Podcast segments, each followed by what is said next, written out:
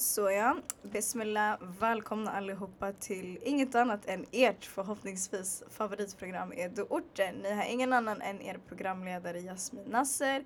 Ni lyssnar enklast på oss genom www.edoorten.se På vår hemsida, yani, där hittar ni det mesta. Eh, vart ni kan lyssna på oss, våra senaste uppdateringar. Ehm, vill ni inte gå in på hemsidor, tycker ni att det är för old school, då har vi Instagram, Facebook, vi har till och med fått LinkedIn, men den är inte uppdaterad. hon skulle ha upp den. men vi har Instagram, Facebook, Oh my god varför fastnade jag? Vi har Twitter så det är bara att eduorten.se och eduorten stavas e-d-u-o-r-t-e-n. Till att börja med, jag är hes. Jag har varit förkyld så länge. Det är den här halv-halv förkylningen du vet. Den sitter och hänger kvar och den kommer typ hänga kvar till augusti. But that's cool, that's alright, we ain't complaining, we just thanking God. Vi lever, det är det viktigaste. Hamdullah, ja, jag klagar inte så. Men bara så att ni vet, om jag är hes, om jag hostar, det var inte meningen. Men, men, men. Innan vi presenterar vår otroliga gäst så måste jag tacka jättemycket för Järvaveckan. Jag har inte spelat in ett avsnitt sedan Järvaveckan. Jag var där på, i två dagar. Jag var där hela lördagen och hela söndagen. Jag var där i samarbete, eller i samarbete, jag var där på Blings Bazaar. Så alla eller alla, väldigt många så entreprenörer och folk som gör olika grejer ställde upp sig hos dem. Bland annat var jag där. Jag har ju min studio hos dem. Så jättestor shoutout till Bling. Och en större shoutout till alla som kom förbi.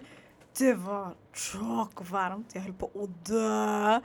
Eh, men det var jätteskönt och det var jättetrevligt. Jag ville inte ens gå från början men jag tvingade mig själv att gå och det var jättenice. Jag uppskattade alla jag fick träffa, jättemånga lyssnare, jättemånga yngre, äldre. Vi pratade om allt mellan himmel och jord. Jag hade en quiz, jag, um, en shoutout till vinnarna Hamza och Sumia. Um, eh, it was really really nice. Så jag tackar fett mycket för Järvaveckan och uppskattar det. Så yeah, om ni vill se lite vad som händer på Järvaveckan, ni har hemsidan, ni har sociala medier och där så ser ni mer än vad vi gjorde på plats. Låt oss fortsätta, låt oss bara börja direkt. Um, jag har en otrolig gäst med mig. Jag tycker att gästerna kan presentera sig själva bättre men ja, jag måste ju också hypa upp dem såklart. Det finns en anledning till varför jag hämtar dem. Så jag har med mig en gäst.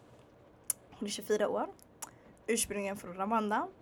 Nej. Från Lund. Va? Rwanda. Rwanda om man kan säga. Ser ni? Alltså jag ser alltid fel. Förlåt jag hämtade några gäster häromdagen så sen vad var det? Jag sa typ så här att de höll på med en verksamhet och det var helt fel grej. Alltså det var så skämmigt. Jag bara I'm so, jag är så borta. Hon är här, hon är 24 år, hon har företag som tagit sin examen i mänskliga rättigheter. Congratulations. Hon har jobbat eller praktiserat för FN-förbundet både i huvudkontoret i Stockholm och i Tanzania. Ser ni? Jag förstör mig själv så jag stänger av min mobil. Hon har både praktiserat i FN-förbundet i huvudkon- FN-förbundets huvudkontor i Sverige i Stockholm och även kört i Tanzania i Dar es Salaam. Jobbat med FNs globala mål inför 2030. Fått erbjudande praktik på Ugandas ambassad. Pluggat juridik utomlands. Hon har gjort väldigt, väldigt mycket och kommer mer komma in i det. Och eh, mer hur hennes historia och hur hon har fostrat sig själv till att bli den otroliga personen hon är idag. Och dels genom hennes eh, gymnasieresa och hennes resa till efter gymnasiet. Så jag vill presentera ingen annan än Jane Ange Musekura. En applåd! Tack så mycket! Så fin presentation jag fick. Ja, Och det är jättekul att vara här. Ja, såklart. Fett kul att du kunde komma. Alltså, Mm. Jag blir så glad. Speciellt jag sa det tidigare när jag kan hämta folk från andra städer. Ja. Vi har haft en kille från Falun. Alltså det är typ det enda jag ser folk. Jag bara, vi har haft en kille från Falun. Och nu har det från Lund. Jag är skitnervös faktiskt. Jag har aldrig poddat förut. Jag är helt Oh my så, God. hur låter min röst? Det är så right. Jag tycker min låter hemsk så det låter säkert bättre. Det är alltid så. Ja, men jag tänker den vanliga rundan vi brukar ha när vi hämtar gäster innan vi så här bara hoppar in i eh, det vi ska prata om eller din historia. Ehm, jag tycker presentation, namn, vilken ort du är från, ålder, typ så. Vad du gör och vad du vill dela med dig av. Okej, jag heter Jane Ange som du sa så fint innan. Men jag kallas Ange. Och jag är från en förort utanför Lund. Men jag reppar Lund för jag har pluggat gymnasiet och universitetet där. Hey. Förorten heter Dalby, men den ska vi inte snacka så mycket om. jag är 24 år gammal. Jag jobbar just nu på en statlig myndighet i Malmö och jag har jobbat där sedan två år tillbaka genom mina studier. Och som sagt, jag är nyexaminerad människorättsvetare från Lunds uni. Oh, heter du människorättsvetare? Ja. Fett fint namn. Jag har aldrig hört det tidigare. Alltså helt fancy, but I know you. I know human fett rights. smart. Ja, jag älskar det. Och sen har jag precis, jag är fortfarande praktikant på Svenska FN-förbundet genom ett internationellt praktikantprogram som gjorde att jag nyss har spenderat fyra månader i Tanzania på FN-förbundet i Tanzania som praktikant inom kommunikation och projektplanering. Och vi känner varandra genom Amal tror jag. Yes, shoutout till Amal the plug. Jag dör för Amal Amal. the goat. ja, jag älskar Amal. Nej, hon berättade, jag har nära vän till mig som heter, jag har många nära vänner som heter Amal, men jag har två stycken. Vi har en som kallas Amal Skärholmen och Amal Tabi, shoutout till båda. Men nej, hon hade eh, pratat om att du hade gått ut med att ni hade träffat varandra tidigare. Ja, på ett event jag fixade med FN-förbundet för ett år sedan. Precis, och det var typ i samarbete med... Nej, Hon hon, föreläste. hon föreläste och kom som representant för Afrosvenskarnas riksförbund. Shoutout. Så eh, nej, hon, berättade, hon berättade att hon hade träffat dig för jättelänge sedan och sen så påminde hon mig bara, eh, mig, hon påminde mig just om det. Och så sa hon att du hade gått ut offentligt och eh, pratat om att du ville prata om dina upplevelser eller dina erfarenheter just i Tanzania. Um, så hon bara, hon letade efter podd Jasmin, Jasmin hämta henne. Jag bara, ah, okej, mm, jag pratar om gymnasiet, jag bara, men jag kan, jag kan fix it up somehow. Ehm, så hon berättade om dig och det lät jättesmart. Hon bara, men vet du vad, hör av dig till henne du och Ja. prata liksom så med henne så kan ni säkert lösa upp det. Så jag pratade med dig och det var jättekul och det är första gången vi ses idag Ja. faktiskt och det är fett kul. Men hon la jättegoda ord om dig. Ehm, och jag tyckte bara att det var självklart att hämta dig om du vill dela med dig av dina erfarenheter och upplevelser Mm. och verkligen vill att andra ska ta lärdom utav dem och liksom så här, växa starkare eller större så som du har gjort. Varför inte? Du är mer än Mm. välkommen. Det är därför sådana här plattformar finns. Mm, men samma, jag kände att det här var en skitbra plattform just för detta. Och det du har gjort är så grymt. Jag kollar alla dina så här, lyssnat på några avsnitt, jag hade hört om podden innan. Men sen så lyssnade jag loss och det är så grymt och det är så inspirerande. Jag önskar jag hade haft den här podden när jag gick i gymnasiet eller högstadiet du faktiskt. sa innan, tack så mycket. Åh, jag blir så glad. Oh my god, thank you. Oh my god, jag respekterar mig garo. Tack så mycket, jag uppskattar det. Ehm, innan, eller vi kanske kommer komma in på det, men vad innebär praktikant? Alltså när man är praktikant så är det väl mer, du är inte anställd som ett jobb utan du jobbar typ lite frivilligt. Mm. Oftast obetalt, ibland är det betalt men en mindre summa än en vanlig anställning. Mhm. På, du kan jobba vad som helst, företag, organisationer, vart som helst helt enkelt. För, för dig är det typ att de täcker alla dina resor då eller? det är bara, I wish. Vi kan komma in på det sen. Ja, det här praktikantprogrammet som FF-förbundet erbjuder är sponsrat av Forum Syd och Sida. Vilket gör att allting täcker dem. Resan, boende, allting där täcker dem. Försäkring, sådana grejer. Så det är just därför jag verkligen vill prata om den här praktikant, prakti, praktiken. Mm. För att den öppnar dörrar för många och det är många som kan söka. Och jag tycker speciellt vi som kanske inte sitter på para Eller och brukar göra sådana här grejer. Det är en fett stor grej. Men vi Mm. kommer in på det. Jag tycker att vi börjar... Um, du kan alltså... Ja, eller... Jag tänkte ändra lite på ordningen nu, men det är lugnt. Jag tycker så här, prata om dig själv. Vem är Ange? Vem är han? Det är så himla svårt. Jag är, jag är nog definitionen av mellanförskap och identitetskris egentligen. Jag är född i Kongo. Jag kommer från Rwanda. Bodde i Rwanda ett tag. Flyttade till Örebro. Bodde i Örebro ett tag. Flyttade till Lund. Flyttade till Dalby. Och sen flyttade jag till Holland, Lund, Stockholm och nu bor jag i Lund. Också bott i Tanzania såklart. Har Men det är liksom min resa. sis. Jag har varit överallt och ingenstans. Men vi kan ju börja från början. Vid sex års ålder så kom jag, fem års ålder, fem, sex års ålder, kom jag från eh, Rwanda till Sverige. Landade på Örebro flygplats, träffade min pappa för första gången där och bara Hello, I'm your daughter too. och ever since then vi har, vi har liksom been together, jag, min pappa, min syster, min mamma, mina småsyskon. Vad kul. Hur många Eh, syskon är ni? Vi är fyra syskon. Fyra. Tre tjejer och en snubbe, en snubbe, en kille. Är han bortskämd? Han är bortskämd. Det är exakt samma sak i min familj. Vi är fyra syskon, vi är tre tjejer och en kille. Ah, de blir bortskämda då. Jätte, oh my god. Speciellt i African household. I'm De so blir sorry. bebisar. Ja, hundra procent. Men så jag repar faktiskt Örebro också 019, jag svär. Det är faktiskt där jag växte upp, det är där min barndom är. Det var där jag, för mig det var där jag formades för det var där min pappa sa till mig liksom att du måste kämpa dubbelt så hårt. För nu är du i Sverige, du är svart kvinna, du är blatte. Du måste kämpa. Och det sattes i mig och det är Örebro, det jag, kommer, alltså jag kommer aldrig glömma Örebro faktiskt och växa upp där. Så mycket minnen, så fin stad, så fina områden, så fina människor, så mycket kärlek faktiskt. Varit i Örebro också. Örebro fick en jätte, jättestor shoutout i avsnitt nu kommer jag glömma det, avsnitt tre. Så Mm. jätte, jättestor shoutout till Örebro och alla orter där och allmänt. Det är en, det är en fin stad, folk är Mm. gulliga där faktiskt. Så Mm. fett kul. Vart i Örebro bodde du? Tibble. Shout- shoutout, ey! Tibble. vi hängde mycket Vivalla, vi hade mycket familjevänner där så det är Tibble och Vivalla jag minns mest. Så jag tänker, du beskriver som att väldigt tidigt um, så var det bland annat din pappa som talade om färg eller var mm. så väldigt hård på att du ska liksom så vara duktig och du ska försöka göra ditt bästa. Um, du beskriver dig själv och du är en väldigt så ambitiös person. Alltså har alltid varit det liksom så tror du att det bara kommer från att man alltid har talat om det för dig eller också mm. att du har känt av att du måste lite leva upp till den här bilden att okej okay, jag måste göra mitt bästa, jag måste kämpa, kämpa is the only way typ. Det är, det är två grejer. Mm. Det är ett, vara invandrare, ha en invandrarbakgrund, vara flykting. Mm. Man har sett sina föräldrar kämpa som ingen annan vilket har gjort att jag har fått någon slags guilt.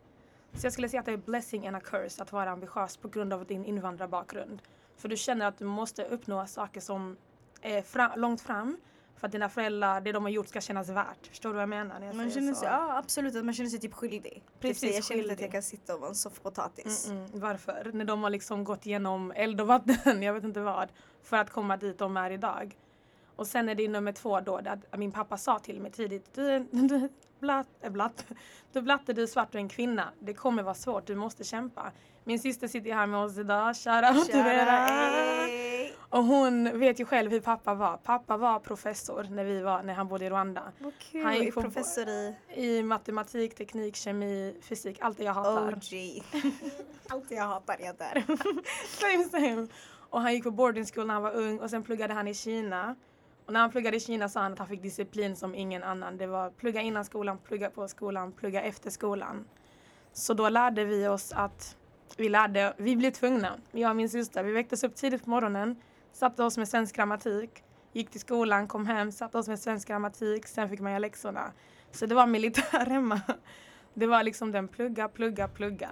Och jag tror många barn kan relatera till den. Jättemånga. Skolan är viktig, skolan är viktig. Så det var de två kombinationerna och till slut insåg jag att jag älskade skolan. Och framförallt jag älskade att lära mig. Det var inte bara skolan. Jag älskade att lära mig, jag var nyfiken hela tiden. Så jag tror det är där det kommer ifrån. Jag var nyfiken och skolan blev det stället jag fick utforska min, min, min nyfikenhet på främst. Så det, ja, jag kopplar. Så det lärde sig ändå att man var ganska hård när man var liten. Ah. För jag kan tänka mig ändå att varandra, jag vill inte, jag vill inte mm. leka pappa det räcker. Mm, jag minns jag satt så här, jag minns också att i mig själv när jag var liten eftersom att jag just kom från Rwanda, kunde inte svenska. Så de andra kunde svenska bättre, jag, jag kunde inte så jag tänkte så här jag måste bli bättre än dem på svenska och det blev jag. Jag har alltid varit toppstudent, jag har alltid kunnat skriva bättre, skri alltså prata bättre än någon annan.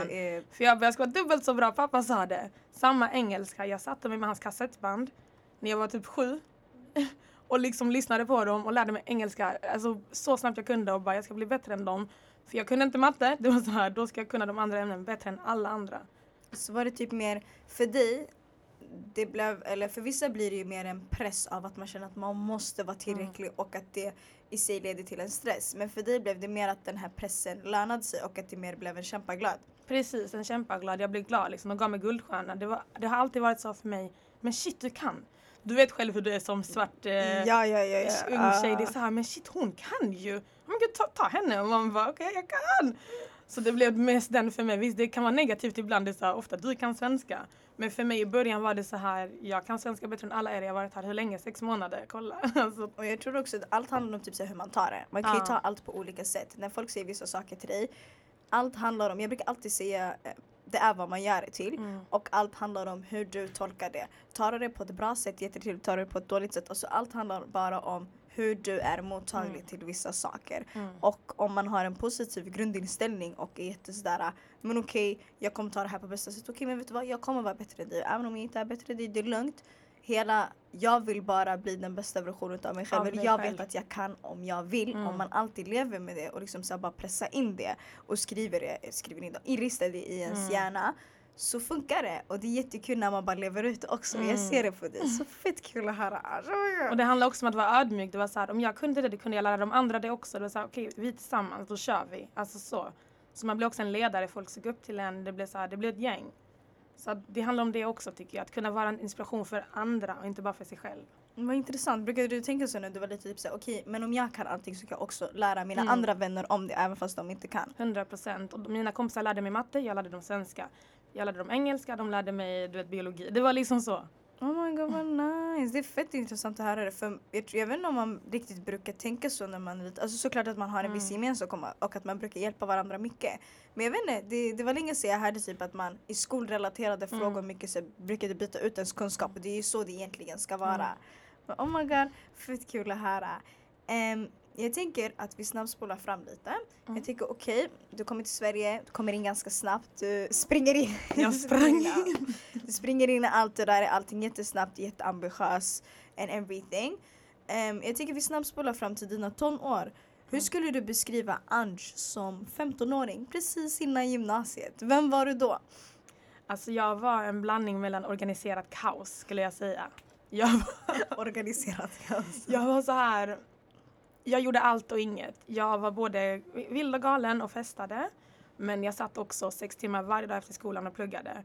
Och på helgerna kanske satt längre. Så att jag försökte hålla en balans av att plugga men också ha kul. Och under tonåren, alla mår ju, de flesta mår dåligt. Mm. Jag var en, en av de som liksom inte kom undan psykisk ohälsa. Så att jag hade mina tider då jag mådde dåligt och det var jobbigt. Men jag tror i mig själv har skolan alltid hjälpt mig. Plugget har alltid liksom fått mig att känna mig bra på något sätt. För att det var det jag var bra på. Sen kan vissa vara bra på musik, måla. Det, jag suger på det. Oh my god. Så inte min grej. inte min grej. De kan vara bra på att sjunga, dansa, whatever. Jag var bra på skolan. Det var där jag såg ljuset för mig. Vilket var ganska tur att det är idag en bra grej att vara bra på. Om man vill komma långt inom akademiska världen. Mm. Så jag hade ju tur på det sättet. Men jag mådde dåligt mycket i min tonår faktiskt. Och det beror ju mycket på att vi har kommit från ett land i krig. Vi har sett saker, upplevt grejer, förlorat människor som man kanske inte ska förlora vid en sån ung ålder. Man har sett sin pappa kämpa, sin mamma kämpa, sina syskon liksom växa upp i ett hem utan kanske mormor och morfar. Vi också. Det har varit pengabrist. Det är ju liksom, kommer man till Sverige utan någonting, du kommer inte vara rik. Du har ju de här jobbiga motgångarna som gör att du ser dina föräldrar må dåligt. Jag tror för mig var det det värsta. Att sina, mina föräldrar kämpa och idag har de kommit så långt, de har köpt hus, alltså de, jag är så stolt över mina föräldrar. Vad Bara se dem kämpa och ta sig över de här hindren hela tiden. Och det, men det har också varit jobbigt för man vill inte att ens föräldrar ska må dåligt över att inte kunna ge dig allting de vill ge dig. Så mycket blandade känslor för mig i tonåren, mycket upp och ner. Men jag försökte ändå alltid tänka att om jag kommer långt kan jag hjälpa dem sen. Men de har hjälpt sig själva, jag behöver inte hjälpa dem, men jag ska hjälpa dem ändå. Men så det var min tonåring för mig. Det var blandning från att lyssna från Rihanna och vara liksom bad girl till att lyssna på Veronica- Maggio och gråta. Gud, tack så mycket för att du vill dela med dig av det. Det är ganska stort. Eh, Men jag tänker också typ såhär, många gånger brukar man inte tänka på att många, shit, den här stolen bara hoppar. Våra stolar är lite skumma, titta ens mina stolar, bling fix era stolar. Nej, stolen bara hoppade fram, I'm so sorry, ni kanske hörde det. Men tack så mycket för att du delade med dig. Jag tror Mm. typ såhär, mycket yttre faktorer påverkar mer än vad man tror Mm. och ju äldre man blir desto mer påtagligt blir det. Speciellt, Mm. vi har nämnt det väldigt många gånger i, den här, eh, i det här programmet att under ens tonår, det är då du formas till den personen du är och det är då Mm. det lite mer kommer upp med det här vuxnare tänket och det är då väldigt många saker klickar för dig. Och Mm. plötsligt så ska allt, så ska du ha allting samman och allt ska liksom Mm. rulla på. Det är liksom inte så det funkar. Så jag tror det är mycket det också som pushar en till att må dåligt. Mm. Ehm, och sen så är det på grund av olika anledningar. Men ändå var skönt att du hittade någon trygghet och bekvämlighet i skolan. Och jag tror också det kanske är den här regelbundenheten. Det har varit jättenice för mig att det finns något regelbundet som Mm. alltid håller en Mm, där. mm, mm. Så man måste prestera, man måste ändå vara tillräckligt någonting för att klara av skolan. Och någonting jag minns, jag berättade för min syster på vägen hit att någonting jag ångrar som jag verkligen vill berätta för er alla där som är i den här åldern 15, 16, 17, 18, alla de här Mm. åldrarna. Prata med någon om ni mår dåligt. Alltså psykisk ohälsa är så farligt. Och jag minns att jag snackade aldrig med någon. Jag löste allting själv och jag har alltid löst allting själv. Och det kommer ni också märka när jag pratar. Allting har jag fått ta reda på själv, lösa själv. För att jag tror att jag är den enda som kan rädda mig.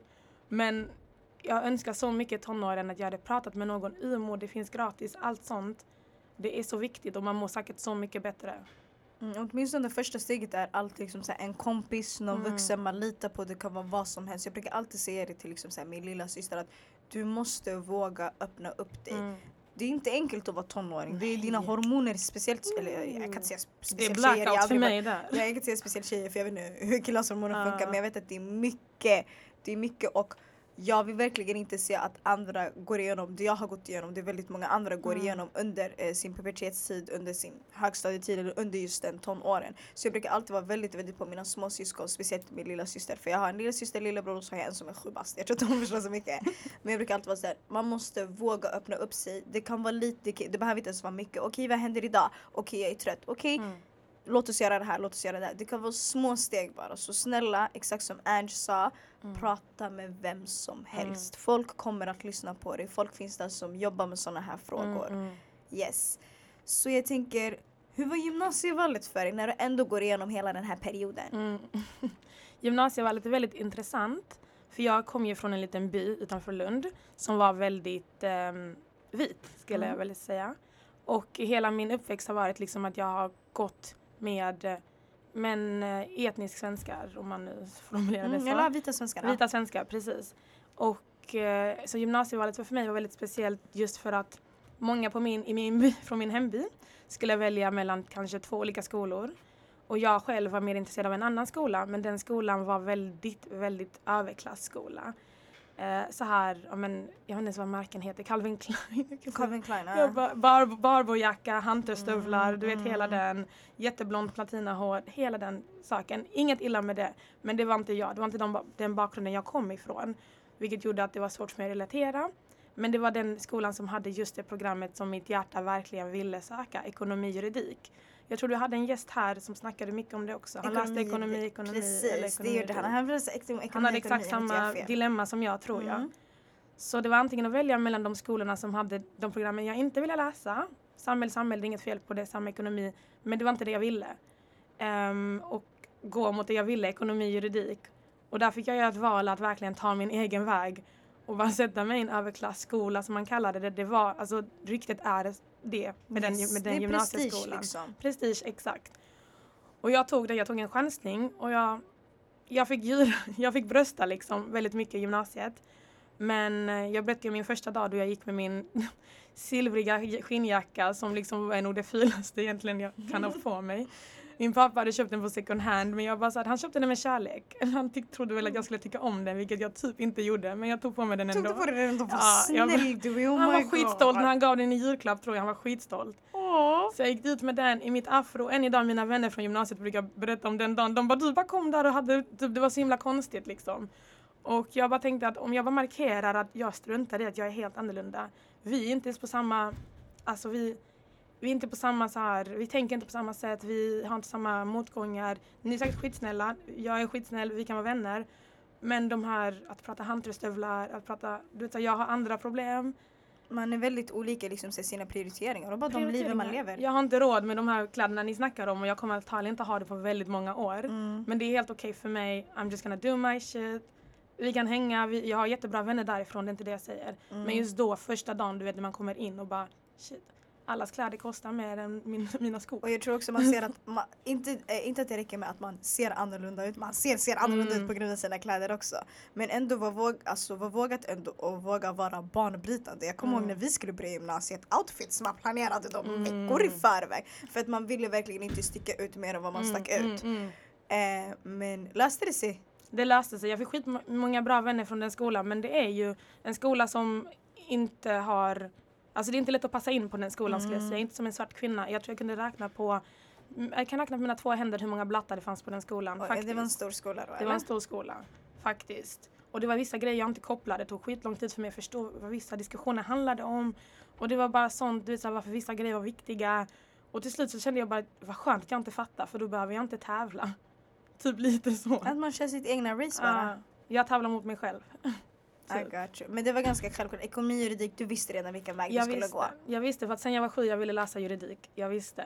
Men samtidigt, det var svårt. Alltså det jag kan tipsa om när det kommer till gymnasievalet, om man är osäker. Det är verkligen, fråga folk som har pluggat de programmen. Bara fråga, alltid, allting fråga. Jag vet att folk har problem med SIV.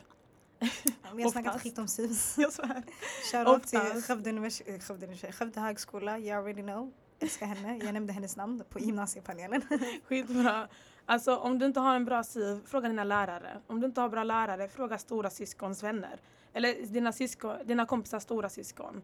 bara fråga alla du hittar. Lyssna på det här, fråga Jasmin, alltså fråga alla du hittar DMa som kan mig, prata med. maila DMa mig. mig. Alltså, Samma sak, jag kommer tagga Ange överallt. ah, ja, så det är liksom bara fråga på och googla och läs.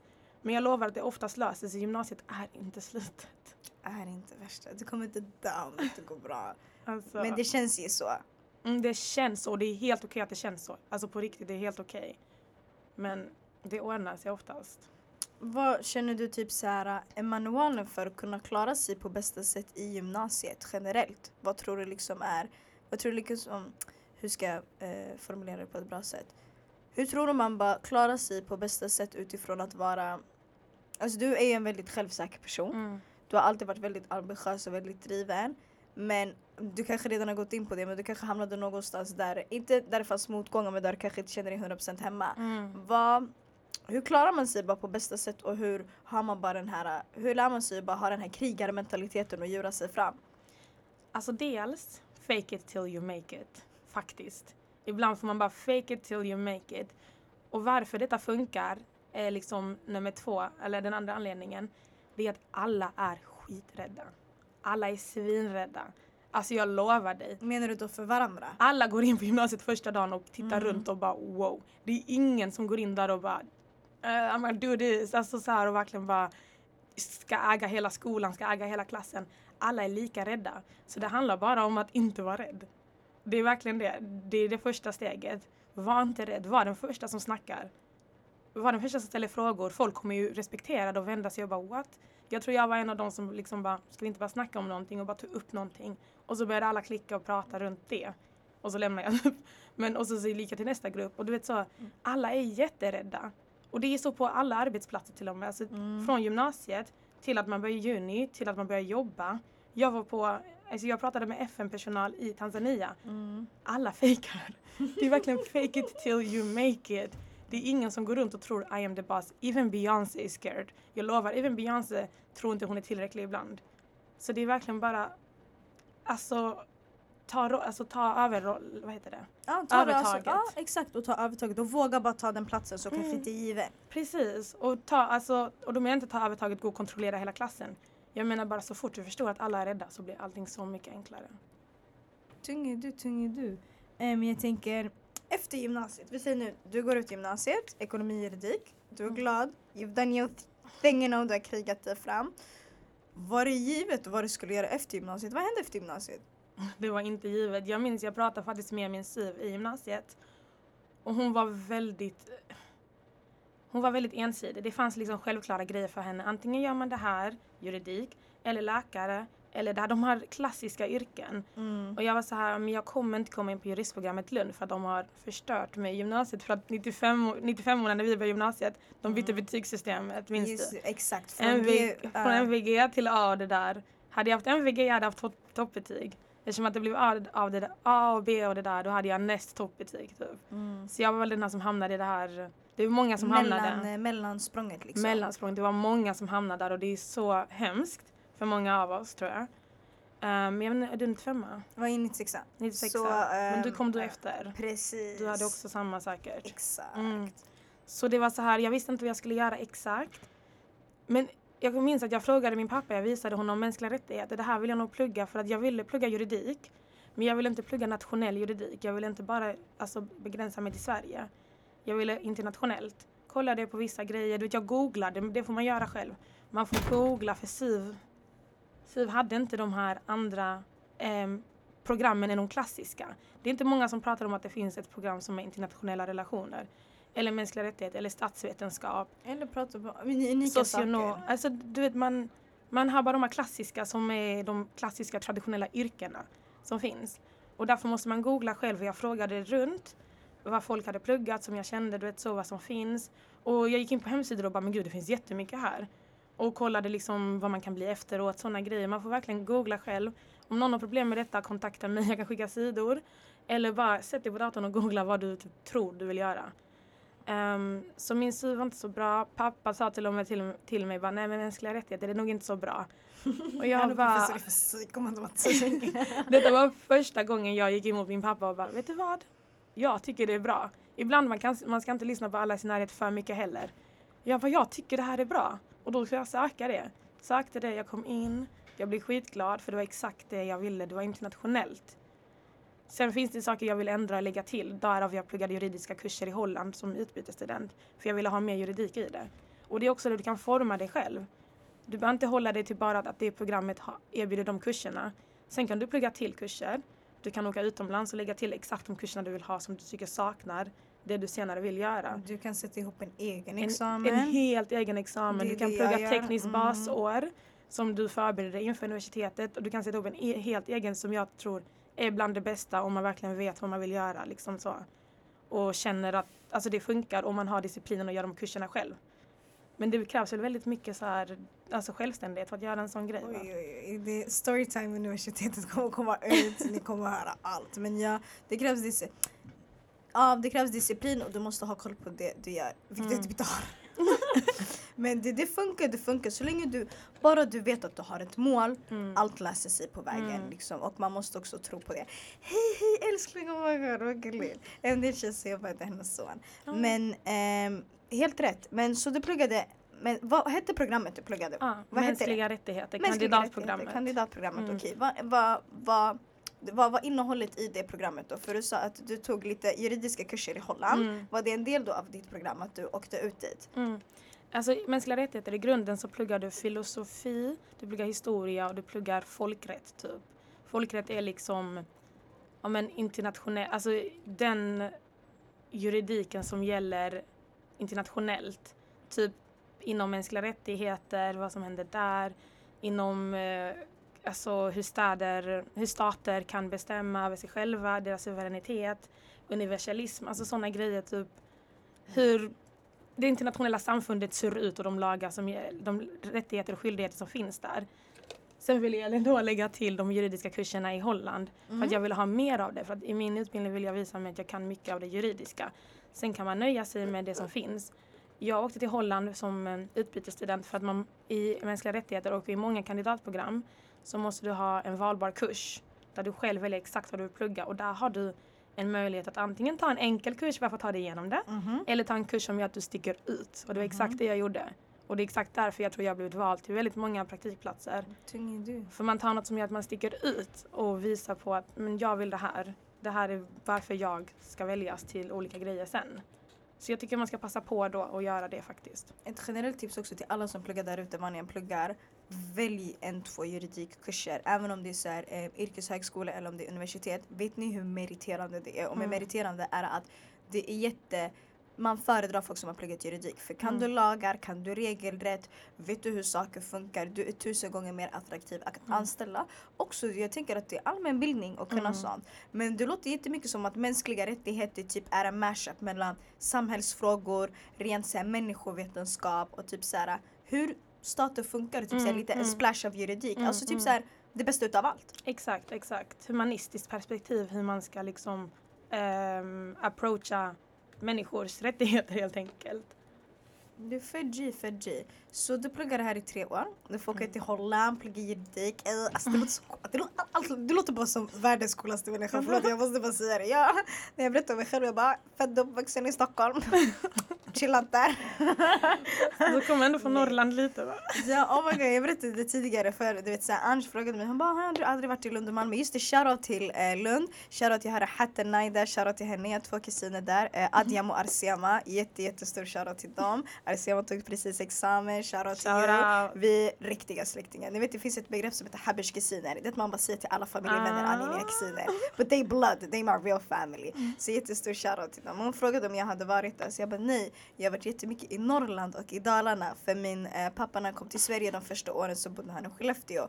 Jag minns inte om min morsa hade bott där men jag vet att de bodde där ett ganska långt tag ända tills jag föddes. Em, så jag har mycket varit i Skellefteå, varit i Umeå. Jag ser din syrra i bakgrunden och bara vad gör du där uppe? Åker skidor och grejer va? Jag har åkt skidor, typ såhär, jag har varit i, i alla städer i Dalarna. Typ såhär, Avesta, Mora, touchat Falun, Borlänge. Det mesta. Jag har varit i jättemånga städer. Örebro, Eskilstuna, Uppsala, Trollhättan, Göteborg. International, eller national. ja, Skövde, Jönköping. Ehm, jag har varit på väldigt, väldigt många Name ställen. droppa. Namedroppa allt. Men jag har aldrig varit i södra, södra Sverige. Jag vet inte. Det är och det är helt vackrare där, det är galet. varmare där, Mm. mycket varmare. Så jag vet inte men i år eller i sommar så vill jag faktiskt Mm. toucha Malmö. Jag måste göra det. Jag har fått jättestarka rekommendationer. Jag har en nära vän till mig, shoutout till Ladda. Hör av dig när du är i Malmö. Ja, 100 procent. Hon är född och uppvuxen där. Malmö och Lund, det är väl 10 minuter. Ja, Ja, gud, ja. brukar alltid Jag säga jobbar i Malmö, det är bara att höra av dig. Ja, hon bara, vi tar, vi tar buss till Malmö. så eh, då mobbade vi lite för det. Jag bara, jag har bara varit i Norrland. Så jag bara, but I'm coming, but I'm coming. Det är dags. Men det jag ville säga är att eh, det känns som att du är en, du känns som att du är en, du är en otroligt cool människa och du är i alla fall, du fick klart din examen, du tog den i januari, Mm. grattis. Så då har du en examen, en kandidatexamen i mänskliga rättigheter. Precis. Vad nice. Så under din utbildning, i slutet av din utbildning om inte jag har fel, Mm. så får du ett erbjudande. Vad är det för erbjudande du får?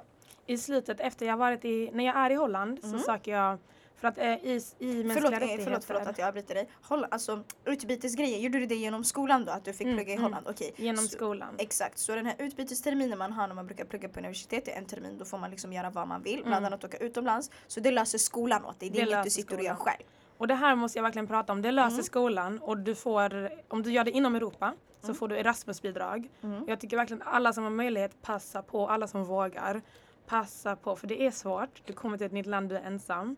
Det är svårt, men det är en så bra erfarenhet. Och alla praktikplatser jag har sökt sedan dess, alla jobb jag har kollat på, de vill ha erfarenhet från så här utlandsstudier eller praktik utomlands.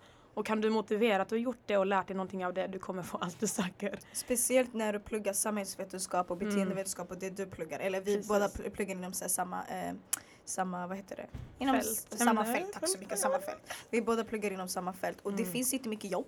Mm, mm. Det finns absolut inte jättemycket jobb så Man konkurrerar, man konkurrerar med jättemånga. Ja. Så för att vara unik är det otroligt bra. Mm. Om allt, alltså om skolan blir täckt, jobba extra på helgerna. Det löser sig Mm, med mm. boende och mat Mm. och sådär. Så- Skolan täcker liksom det mesta de täcker och du kan söka merkostnad säkert. Du kan söka stipendier. Det är det jag älskar med internationella kontoret i Lund. Alltså shoutout Mm. faktiskt. Jag gick alltid dit i panik och bara, vad kan jag söka? Vad kan jag göra? Du kan söka stipendier, du kan söka utbytes eh, termin, praktik, utbytesstudier. Mm. Alltså det finns så många grejer som de täcker som man inte vet om. Speciellt stipendium. Ah, stipendium, oh my god, så mycket jag har sett. Jag bara wow. Alltså det finns så mycket. Och det är bara googla, googla eller prata med dem. Prata tills de inte orkar lyssna på det. Jag lovar det är värt det. Och liksom just i Holland, jag fick inte ens plugga de kurserna jag valde. Jag mejlade universitetet och bara, jag kan det här. Jag vet att jag kan det, ge mig en chans. Jag var inte berättigad eller behörig till dem. Mm. Och det handlar bara om att ta kontakt, alltså på riktigt bara convince people att du, alltså, du kan det. Funkade det? Det funkade, jag kom in på de kurserna, ingen annan de bara ofta, du fick dem. Jag bara ja. Det är bara att mejla för att ingen annan gör det. Och om du mejlar då kommer de fatta att okej den här tjejen vill verkligen det. Hon vill inte det för att komma hit och fejla. Är kanske inte- ska lyssna. Ja precis. Och de får, du får CSN och sen så får du utöver det får du Erasmusbidrag. Jag tror första gången får du 70% av Erasmusbidraget. Så du får det första dagen du landar där typ och sen så sista månaden får du de resterande 30 procenten. Så du har redan en stor summa och Erasmus det är bidrag, du behöver inte betala tillbaka det. Det är Mm. gratis pengar, kör! Mm. Oh my god, fett nice. Vi måste faktiskt ha ett avsnitt då vi typ bara pratar stipendier, för stipendier Ja. är grejer. Jag Jag vet till exempel Golas, Golas är jag hade sagt det, är jättemånga, det är ett, jag vet inte om det bara finns i Stockholm, Ja. eh, men det är ett ganska känt stipendium. Jag tror hela orten har fått det där stipendiet och de ger faktiskt, de är jättegenerösa och så. Men det är också, den är väldigt enkel att söka, vissa är lite komplicerade. Men det är lugnt, vi måste ha ett avsnitt på det. Men man Mm. måste vara fett på när det kommer till det. Men när du är i Holland så får du ett erbjudande om att Få en praktik på Svenska FN-förbundet i Stockholm på skolverksamheten då. Och det är de som anordnar eh, exempelvis FN-rollspel. Har ni hört om det? Ja, ja man hade det i min skola. De Ja. kom varje år. FN-förbundet brukade varje år komma till mitt gymnasium. Och Ja, ha så här, ganska intressanta saker faktiskt. FN-rollspel och sen finns det typ 30 certifierade FN-skolor i hela Sverige som då utbildar om i sin läroplan har de liksom FN, vi skickar material till dem, de blir bjudna till FN-rollspel, till ungdomsläger, sådana grejer som liksom engagerar unga och jag tror vissa skolor till och med har FN-föreningar, FN-skolföreningar i skolan liksom som arbetar med, eller arbetar, utbildar om FN-frågor och sånt. Och det är då Svenska FN-förbundet här i Stockholm på Söder som jag fick eh, min praktik hos under sex månader. Så jag packar mina väskor och flyttar till Stockholm och blev praktikant där, vilket har lärt mig så himla mycket. Och det var också en sån grej att jag vågade söka den praktikplatsen som många kanske inte vågar för de trodde inte de skulle få den. Och jag sökte den och dels varför jag fick den är ju för att jag har skrivit, jag berättade för dig innan, jag har skrivit för Aftonbladet och Metro tror jag. Mm. Jag tror det är dels varför. För de såg att jag var engagerad. Jag ville mycket och jag bara kunde förklara mig varför jag ville ha platsen och varför den passar mig. Du var ändå ganska liten när du skrev för eh, Metro och eh, Aftonbladet. Hur gammal var du? Jag- 16? Nej, nej, nej, jag tror, jag tror det var efter gymnasiet faktiskt. Efter gymnasiet? Okej. Men jag kanske var 20, 19, 20, 21. Du är fortfarande väldigt ung. Igen. jag vaknade bara en morgon och var jättearg och bara nu, så bara skrev jag och skickade in. Och jag visste inte att det fungerade på det sättet, man bara kunde vakna, skriva någonting och skicka in till Aftonbladet Och dina artiklar blev ju och publicerade. bli publicerad. Jag bara, det funkade, så gjorde jag det en gång till. Och jag skickade kanske till tre tidningar så att jag menar, det är bara att göra. Alltså ibland det är bara att göra det. Jag fattar att det låter som att man bara vaknar upp och allting är jätteenkelt. Men jag bara tog en chansning och skulle de inte publicera det, vad skulle hända? Det, det blev inte publicerat, då får jag väl göra om det någon annan dag. Men det blev publicerat och det gav mig en praktikplats typ. Mm. Senare liksom. Så jag kan berätta lite om vad Svenska FF-förbundet är. 100 procent. Det är en ideell organisation som innebär att den är icke-statlig. Den drivs liksom utan ett vinstintresse så det handlar inte om att tjäna pengar utan det är frivillig, den drivs på frivillig basis helt enkelt. Mhm. Um, ideell organisation han, handlar generellt om, ehm, eller ideella organisationer generellt jobbar med MR, alltså mänskliga rättigheter, Mhm. humanitära frågor, alltså frågor som rör humanist, alltså humanism. Alltså mänskligheten. Ja, mänskligheten och miljöfrågor. Men FN-förbundet själv är inte FN, det är jätteviktigt att veta. FN och FN-förbundet är olika saker gott folk. Okej, lyssna på Edgen. Det är helt olika saker, men de connectar till varandra, vad heter det, kopplar? Ja, ja, connecta till varandra. De kopplas till varandra. Kopplas till varandra. FN-förbundet arbetar med att utbilda samhället och olika organisationer och beslutsfattare om FN-frågor. Så de liksom running errands för FN på det sättet. Exakt. och arbetet för en bättre värld. FN-förbundet i Sverige har tusentals medlemmar som är organiserade i lokalföreningar och olika distrikt. Som jag sa innan, det finns 30 FN-skolor ungefär i Sverige. Och det man arbetar, huvudarbetet är liksom för fred, utveckling och mänskliga rättigheter. Både lokalt och globalt. Och när det kommer till globalt, då kommer vi till min del där jag har varit Mm. en del av det internationella praktikantprogrammet. Och då har jag som internationell praktikant åkt till Tanzania. Och det är det fetaste jag någonsin har gjort. Och de skickar praktikanter till Tanzania, Georgien, Armenien. Tidigare var det Zimbabwe, men det gör man inte just nu. Mm. Och jag lovar, alltså om man vill söka det här programmet, det kommer förändra ert liv. Och det är så värt det, för de täcker alla kostnader. Och du lär dig mycket. Du har en stor roll i det, för du måste kommunicera tillbaka arbetet du gör till Sverige. Så det funkar som en svensk resursbas, bas, typ. Mhm. Man blir liksom den svenska i Tanzania som rapporterar tillbaka vad FN-förbundet i Tanzania gör. För när FN grundades så sades det att alla medlemsländer skulle starta ett FN-förbund i sina egna länder. Mm. Alla har inte gjort det. Jag tror det finns över hund, ungefär 100 FN-förbund världen över Mm. i olika länder. Ehm, och i Sverige, annat internationell grej man gör i Sverige är att man driver olika insamlingsprojekt som skolmat som ger liksom mat till olika länder där eh, skolmat till olika länder, jag tror det är i den afrikanska regionen där skolmat inte är självklart för barnen där. Mhm. Projektet Flicka som är mot könsstympning och mot barnäktenskap i Etiopien. Sen är det minor som jag tror är i Kongo och sen har man en katastrofinsamling till Syrien. Så man gör ju mycket internationellt men också på hemmaplan vilket jag tycker är helt fantastiskt. Jag tänker, blev du erbjuden det här internationella praktikprogrammet genom att eh, praktisera i FN-förbundet i Stockholm?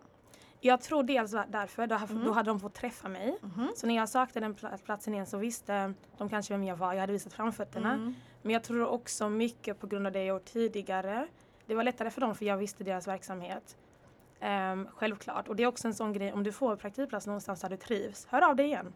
Testa igen. Det är inte så att de bara, nej vi har redan haft henne, vi kan ta henne igen. Mm. Det är more likely att de bara, men vi, vet, vi känner henne. Hon är jätteduktig. Vi chansar på henne henne och igen. låta henne göra större saker. Större saker utvecklas. Det är det de vill, att du ska växa. Så jag tror det är dels därför, men också dels för hur mycket jag har gjort tidigare. Och mitt intresse och min utbildning. 100%. Så man kan även söka det här internationella praktikprogrammet som eh, FN-förbundet håller. ehm, om man inte har något med FN att göra tidigare eller FN-förbundet att göra tidigare. Så 100%. randoms, typ jag kan sitta och bara ah, men, kan okej, söka. Jag kan sök. söka det. Okej. Jag bara Det sök. var sök. 100 procent. Den andra praktikanten som åkte till Georgien, hon hade aldrig, aldrig ens hört talas om FN-förbundet Okej, innan. Okej, I got you. För jag trodde det Alla var kan så här, söka. typ Nej. insidergrej. Okej, nej, vad nej, nej, nice. nej. Så det heter internationella praktikprogrammet som eh, ges ut genom FN-förbundet. Mm, mm. Det är Oh. bara att gå in på hemsidan och sök. Du måste bli medlem. Medlemskap kostar 100 kronor per år. Mhm, Du måste vara medlem, det är det enda. Och eh, du får inte ta CSN för de täcker ju allting. mhm. Du måste vara CSN, eh, ungdom. bidrag eller lån? Du får inte ta CSN eh, Överhuvudtaget? överhuvudtaget jag. Mm. Kolla noga på det, lös det. Ja. Och sen så måste du vara ungdom som jag tror är upp till 30 år eller 26 år, jag är inte säker. Generös ålder. Ja, så här. Och ja, men det finns, alltså det finns så mycket man kan göra med det, med FN-förbundet generellt. Man kan vara ambassadör för deras frågor. Man kan eh, vara aktiv i sina lokalföreningar. Kolla upp om det finns en FN-förening i din, eh, i din stad. Du kan vara aktiv där, du får gå på utbildningar, vissa åker till New York till slut. Alltså det finns så mycket. En, de var i New York precis, om man, om man går till tillräckligt många utbildningar får man till slut kanske följa med till New York om man ansöker. Hälsa på FN jag headquarters i New York. Jag hoppas jag att du har ett eget kontor där. Ja, ja. Du får gå och åka på läger. Det var där jag träffade Amalie, ungdomslägret förra Mm. året. Ung 19, eller ung 18. Ung 19 varje år, du får åka på läger. FN-rollspel, alltså det finns så mycket man kan göra. Fett nice. Så du får chansen att åka till Tanzania. Är under din examen eller när du väl har avslutat den? Det är när jag är klar med min examen, det var februari. I februari, Mm. okej. Så du åker till Tanzania och hur är det? Vad gör du där? I Tanzania är jag då praktikant för kommunikation och projektplanering. I Tanzania har vi ett samarbete med dem där vi eh, arbetar med globala målen, vilket är en del av Agenda 2030. Och Agenda 2030 är den senaste FN-agendan, vilket Jag om många har innebär... hört om den. Ja, ja, jag tror må, många har hört det kanske mer om millenniemålen Mhm, som mhm. blev, som var till 2015 och 2015 utvecklade man millenniemålen till Agenda 2030 och gjorde dem mer heltäckande. Vilket innebär att man ville att de skulle liksom kunna inkludera fler frågor för det var typ sju eller åtta millenniemål Mm. och nu är det 17 eh, mål istället. Så det kan vara allting från eh, End Hunger, vänta vad heter det, avsluta, Att eh, avsluta, Avsluta eh, hunger. Avsluta hunger. Att folk inte ska svälta. inte ska svälta, det handlar om jämställ, jämlikhet, jämställdhet, det handlar om miljöfrågor. Olika mål har olika ämnen och alla målen kopplar till varandra. Så det är 17 mål som man ska arbeta för och I alla länder. i alla länder och till 2030 ska vi ha uppnått alla de här målen. Och man kan inte uppnå ett mål utan att uppnå det andra. Exempelvis, jag tror mål fyra är eh, quality education. Quality of education. Quality education, typ så här kvali- alltså utbildning. Utbildning, precis. Mål fyra, kvalitet, ja. Hög eh, kvalitet inom utbildning är mål Mm. fyra. Och sen finns det ett annat mål som är typ hunger. En, eh, avsluta hunger. Mm. Och då är det så här, du kan inte gå hungrig till skolan. Exempelvis. Så du kan inte Precis. få hög kvalitetsutbildning om du är i skolan hungrig för då kan du inte fokusera. Så att det är bara olika mål som man ska uppnå och alla målen kopplas till varandra och det var det jag gjorde i Tanzania. Jag var på FN-förbundet i Tanzania i Dar es Salaam. Hey, Det var shoutout. så coolt. I fyra jag månader var jag där. faktiskt. Det såg fett nice ut. Jag såg typ, det hade någon video där de typ så sjunger på gatan på väg till Ah, skolan. ah. Alltså det såg bara så happy ut. Det vet, så här, var- den här stereotypiska bilden av att alla är fett glada. Men det är Mm. jättehärligt. Mm. Och det var, jag var ju där under Ramadan också. Ramadan, oh, vad, Det vad, var- vad, vad tyckte du? Det var så, det var så, nu låter jag som Gun-Britt 58 Nej, men nej, det var så intressant att se. Alltså det var så, alltså det var så, I fell in love. Det var så coolt att se, vi liksom hade iftar tillsammans, man kallar Mm. det. Nej men brödfastar. Ja precis och det var bara amazing på det sättet. Jag lärde mig så mycket om islam också. Det var jättecoolt. Så jag lärde mig både på personlig plan och i, i min praktik. Det vi gjorde främst i min praktik var att vi utbildade om den här agendan då till lokalbefolkning, beslutsfattare. Under tiden jag var där så hade vi något som heter VNR som är National Voluntary Review. Mm. Där man handlade om att man gick till olika, alla organisationer i Tanzania kom med sina egna idéer om hur man kan uppnå det här Agenda 2030 och i slutet ska det rapporteras, jag tror förra veckan, på FNs huvudkontor i New York. Så det var allting från internationella aktörer, alltså FN-representation, representanter från New York, till olika ambassadör, ambassadörer i landet, till olika representanter från olika civilsamhällesorganisationer, som är liksom organisationer i Tanzania som jobbar med de här frågorna. Så det var så coolt, jag träffade så många coola människor, jag lärde mig så mycket. Jag känner mig så liten men ändå så stor typ. Alltså typ att I, I, I, alltså jag hörde hemma där, vilket var väldigt fantastiskt. Vilket man inte tror när man är liten och bara en dag ska jobba på FN. Och sen hör man liksom hemma bland olika FN-organ på det sättet för att man själv känner att jag förtjänar att vara här. Jag kan tänka mig att det är otroligt mäktigt. Väldigt mäktigt. Att bara så här, se sig själv utvecklas och bara se att ej, jag är här ensam. Mm. jag gör min grej. Och typ så här, inte det här att man känner så här ett övervärderingskomplex typ oh my god Nej. I'm better. Mer typ så här, Nej. Inte heller att det blir volontäraktigt för det är inte det. Det är med att man utbildar varandra och att man utbyter kunskap. Mm. Det- eller på den, det känns i alla fall att du förklarar det så att det är liksom på det sättet att man utbildar lokalbefolkningen och loka- lokalbefolkningen Mm. kommer liksom tillbaks till en med det de har att säga och det det de har att komma med. Viktigt att jag var ju på en lokal...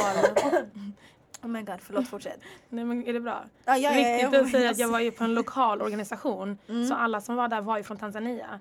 Så vi, och jag lärde mig kiswahili genom dem för de pratade det på kontoret och Mm. engelska ibland. Men det var liksom lokalt så man fick verkligen gå in i den afrikanska kontexten och se hur en afrikansk organisation i ett afrikanskt land arbetar med frågor som rör den afrikanska regionen. Och det Också. var så coolt. Som en afrikaner tycker mig, det är wow. Det är fantastiskt. Och det är så coolt att se att det har kommit långt, att man rör sig framåt.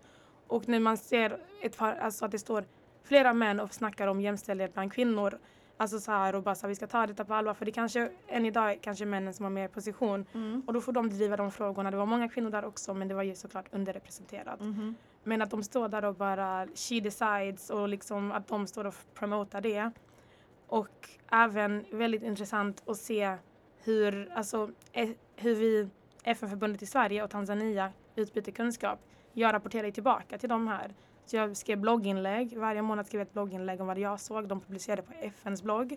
FNs, eh, Svenska FN-förbundets blogg. Så svenskar kunde läsa vad som hände i Tanzania. Jag var på deras sociala medier så man kunde följa mig därifrån. Och jag hade också en Youtube-kanal, Anja Broad. Oh om inte du tänkte det så tänkte jag där. Andrew Broad, em, vi kommer länka allt också där. ah. Ja, så att man får följa nice. mig och se från Sverige också och att Sver- Sverige promotar det som händer där genom någon som är där och inte bara vad man tror händer där. Det är väldigt viktigt för mig. Men det är så kul också att du vill dela med dig. Du vill att det ska liksom så komma ut. För Mm. många, jag säger inte att de inte delar med sig men man tänker kanske inte på så den större kakan eller den större biten Mm. av att okej fler kan se det här.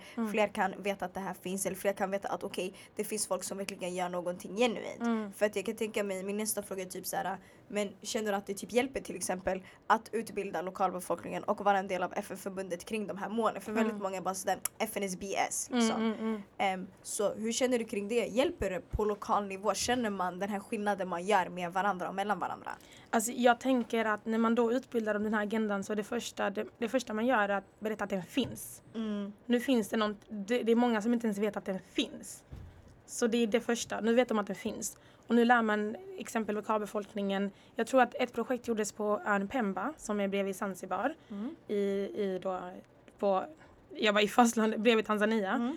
Ehm, och där gjorde man en eh, utbildning där man utbildade lokala kvinnor, entreprenörer, Mhm. hur de skulle vara mer miljövänliga i, sin, i sitt entreprenörskap. Man utbildade skolor, hur de skulle vara mer miljövänliga i, alltså de, hade, de, de etablerade så här skolklubbar där. Och då lärde de sig om de här målen, de lärde sig vilka, skyldighet, eh, vilka rättigheter de har, vilka skyldigheter regeringen har till dem. Så då kunde de helt plötsligt kräva sina rättigheter till regeringen. Så vi satte dem i ett rum med beslutsfattare. Det här var höstterminen då, när inte jag var där, men jag har hört om det. Så då satte de i ett, de i ett rum med beslutsfattare och de här lokalbefolkningen och det kallas dialog, dialogue for change.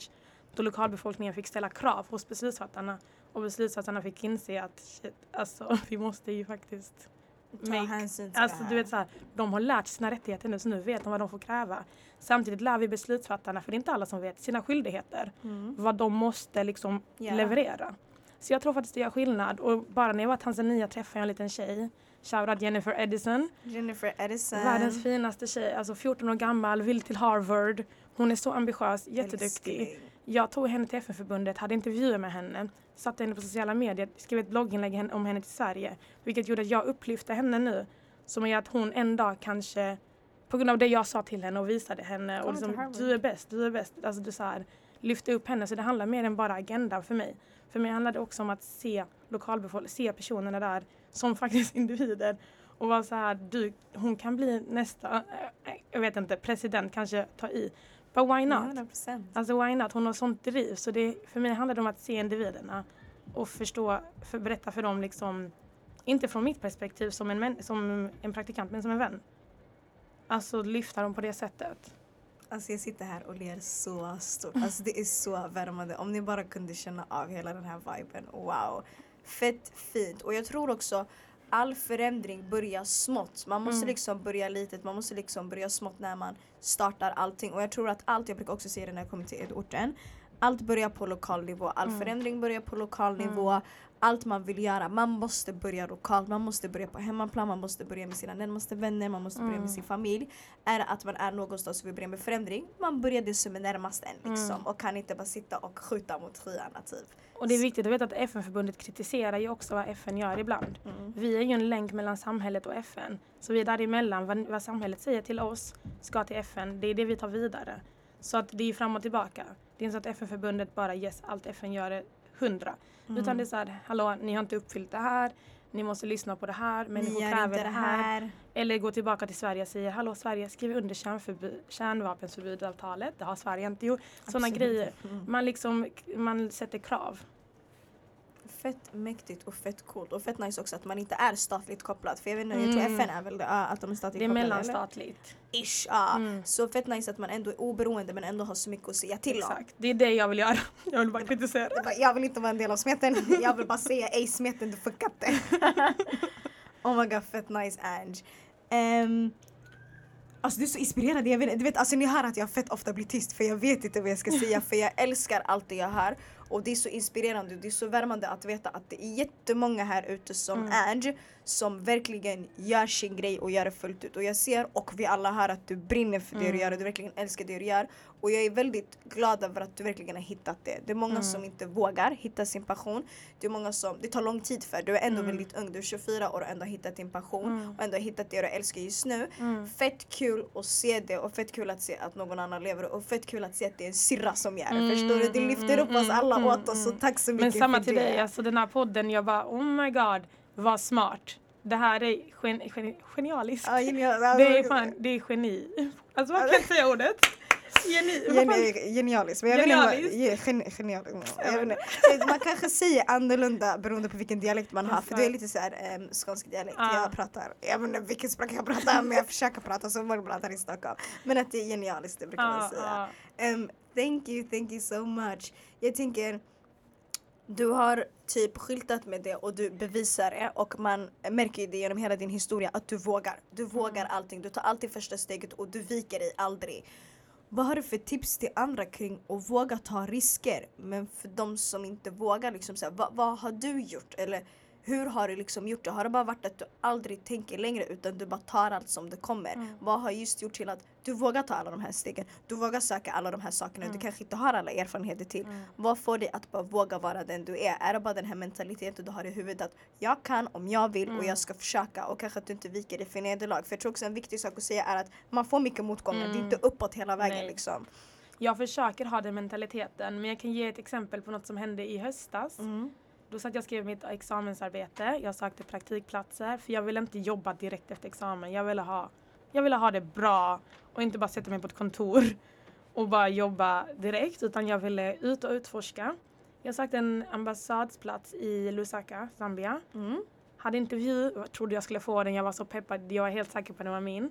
Och så fick jag brevet att jag inte fick den. Mm. Alltså jag blev så nedbruten. Jag, jag tror två veckor jag låg hemma och bara jag vill inte, jag vill Mm, inte. ledsen? Jag vill inte. För jag var så säker att den skulle vara min. Jag var, jag var topp två. Så en annan Mm. person fick den och hon kanske, han eller hon kanske förtjänade den bättre, förmodligen. Och det fick jag bara ta. Men det var jättesvårt att ta det.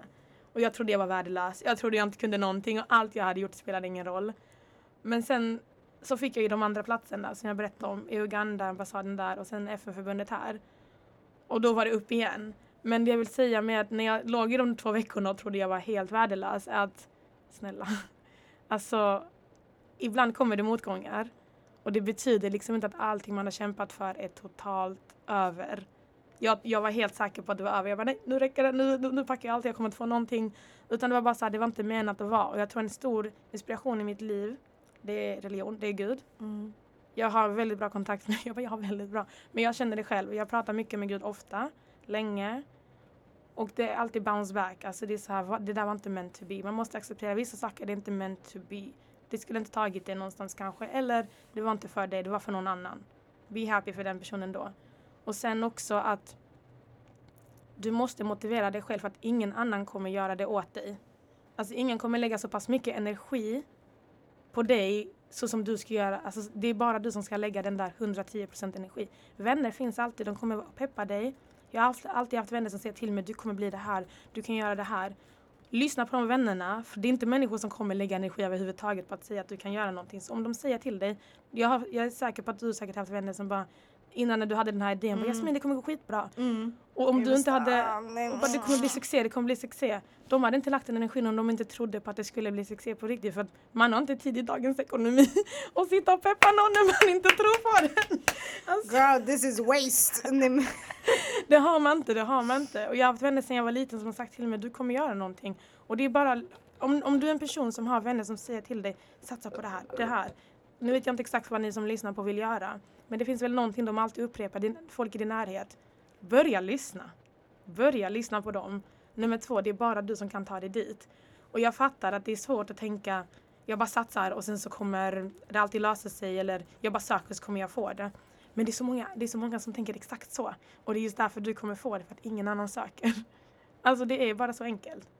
Det är så många som inte söker de där platserna för de tror att ingen kommer ge dem till dem. Och då kommer du ha sökt. Och då kommer de ge dem till dig. Och sen det här med också vara blatte, invandrare och allt det där och känna att man inte hör hemma. Det har ju speglat mig, det har ju präglat mig hela livet. Men för mig handlar det om att alltså, komma in i de här rummen och eh, vad heter det, skapa a seat at the table. Eller take a seat at the table och sen förhoppningsvis kommer det komma fler platser till oss andra. Och om jag är den som måste pave the way i vissa områden, då får jag göra det. Sen ser jag inte att jag är den första som gör såna här grejer. Men jag är väl en av få. Och du är en av få. Alltså som gör det här. Du, du. Vad då- kul att du känner också att du vill bana den vägen för Ja. andra och känna att vet du vad, jag kan göra det. Jag kan Mm. brösta. Ingen fara. Precis. Låt mig brösta de första nedgångarna och sen kommer vi alla tillsammans ta oss dit. Och det är mycket för våra syskon. Jag, sa på Gud, jag vet att du gör Ja. mycket för dina syskon Ja, också. man måste. Det är mycket för syskon. Och det är mycket typ såhär på vägen hit, min farsa skällde ut min telefon. Mitt rum är kaos du vet sådär. Jag, jag har inte städat, eller städat, ja jag, nej jag ska inte ljuga, jag har inte städat på skitlänge. jag är jättelat, det har varit mycket så höger, vänster, mycket så här. Mina närmaste vänner är i en period, tre av mina närmaste vänner gifte sig i sommar. Så det Oh är my ett bröllop och det är två till kvar liksom. Så det är jättekul, en jättestor shoutout till dem. Så alltså, Mm. det ligger saker överallt obviously, liksom, för att man springer mycket in och ut och jobbar och så. Och han bara, du måste vara en förebild för dina syskon. Mm. Du kan inte sitta och ha så här, så här neddraget rum. Så man gör väl mycket för dem också. Man vill alltid, han fick mig väl att tänka på att, Mm. inte kring att jag måste städa, men att man alltid måste typ så här, vara föredöme på något sätt. Och Mm. jag har heller inga problem att ses för att vara en förebild eller för att vara en person Mm. som man ser upp till. Jag vet inte om jag har sagt det tidigare men vi kommer att avsnitt vi pratar om förebilder. Att varken du vill vara det eller inte, Mm. alla kommer se upp till dig på olika sätt bara på grund av att du är en människa, av att du är en äldre person. Spelar ingen roll vart du bor, hur du gör, vad du inte gör. Det kan Mm. vara att du jobbar på Espresso House och ett, eh, ett liten tjej går förbi och bara shit vad cool hon är. Mm, mm. Alla kommer alltid, folk kommer alltid se upp till dig varken du bett om det eller inte. Mm, mm. Så fett coolt ändå att du känner ej, jag vill bana vägen Mm, för andra och jag mm. tror att jag är på exakt liksom så samma mentalitet. Mm, mm. Och det är skitviktigt med folk som oss. Jag bara, Ja, folk som också är fett viktiga Ja. och verkligen, man ska ge credit till sig själv. Man brukar säga credit is, credit is due, credit is, credit is due and credit is done. Man ska ge folk cred när man behöver och man ska ge sig Mm. själv liksom så här, eh, cred och komplimanger när man Mm. vet att man ändå gör någonting bra. Och försöka sitt bästa och bara sprida det på samma sätt. Mm. Men som du också nämnt tidigare Anja, att vara väldigt ödmjuk i det. Ehm, tiden flyger när man har kul. Eh, tiden flyger när man har kul. Tiden går fort när man har roligt brukar man säga. är det någonting så du vill avsluta med? Eller någonting som vi kanske inte har hunnit nämna bara? Mm. Bara Jag så ni tänk- vet. Ja. Jag tänkte bara säga, prata lite mer om det med, för jag tror, vad, vad tänker du kring just det med att ta risker?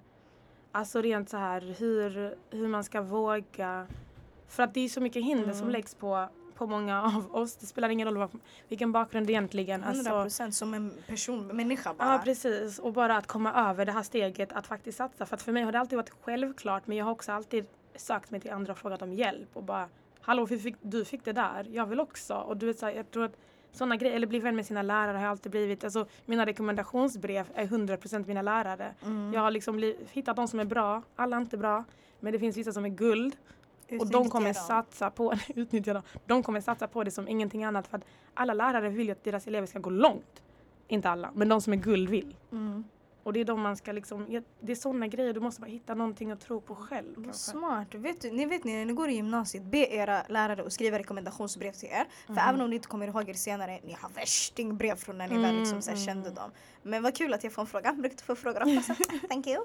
Jag vet inte, jag är mycket sån här, jag tänker typ inte, alltså jag gör bara. Mm. Och jag tror också att jag har alltid, ända sedan jag var liten, typ inte brytt mig om vad andra tycker och Mm. tänker. Jag tror väldigt tidigt att jag har förstått att jag kommer vara annorlunda och det behöver inte vara sättet du ser ut på. Mm. Det kan vara annorlunda bara personlighetsmässigt. Jag sticker Mm. ut vart jag än är i princip.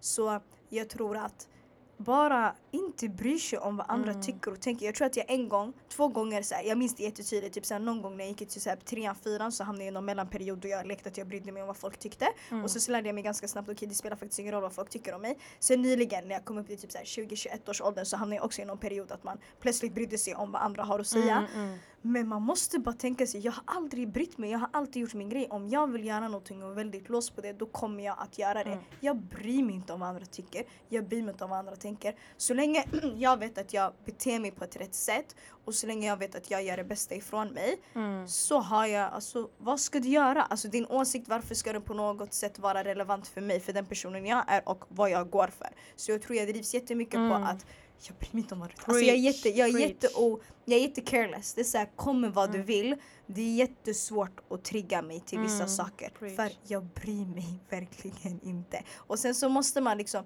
på ett sätt så som du sa, fake it till you make it. Andra kommer väl, andra kommer, alla kommer definiera dig utifrån hur de ser dig. Mm. Så på ett sätt, inte att man måste anpassa sig men man måste ju bry sig också. Man måste vara en bra person och alltid Mm. utveckla sig själv.